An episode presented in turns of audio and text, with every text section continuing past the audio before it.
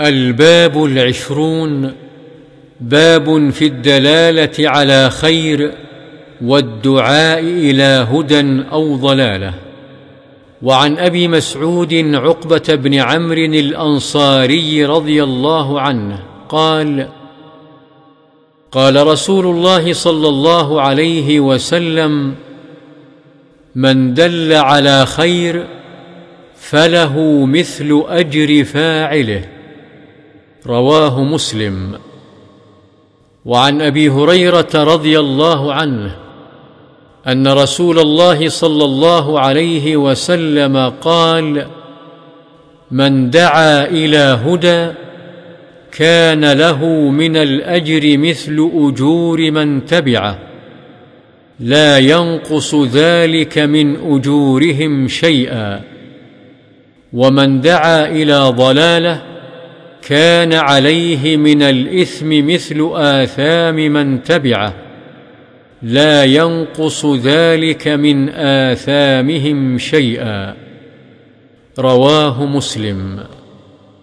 وعن أبي العباس سهل بن سعد الساعدي رضي الله عنه أن رسول الله صلى الله عليه وسلم قال يوم خيبر لأعطين الراية غدا رجلا يفتح الله على يديه يحب الله ورسوله ويحبه الله ورسوله. فبات الناس يدوكون ليلتهم أيهم يعطاها. فلما أصبح الناس غدوا على رسول الله صلى الله عليه وسلم.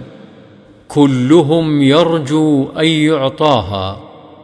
فقال أين علي بن أبي طالب؟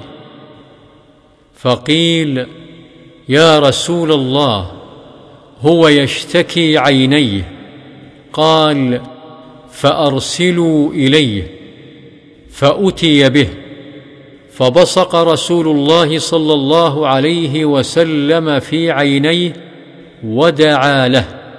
فبرأ حتى كأن لم يكن به وجع فأعطاه الراية فقال علي رضي الله عنه يا رسول الله أقاتلهم حتى يكونوا مثلنا؟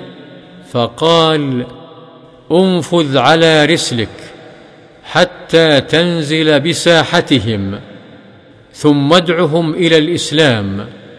وأخبرهم بما يجب من حق الله تعالى فيه فوالله لأن يهدي الله بك رجلا واحدا خير لك من حمر النعم. متفق عليه. قوله يدوكون أي يخوضون ويتحدثون. قوله رسلك بكسر الراء وبفتحها. لغتان والكسر أفصح. وعن أنس رضي الله عنه أن فتى من أسلم قال يا رسول الله إني أريد الغزو وليس معي ما أتجهز به. قال ائت فلانا فإنه قد كان تجهز فمرض. فأتاه فقال إن رسول الله صلى الله عليه وسلم يقرئك السلام ويقول أعطني الذي تجهزت به. فقال يا فلانة أعطيه الذي تجهزت به ولا تحبسي منه شيئا. فوالله لا تحبسي عنه شيئا فيبارك لك فيه. رواه مسلم.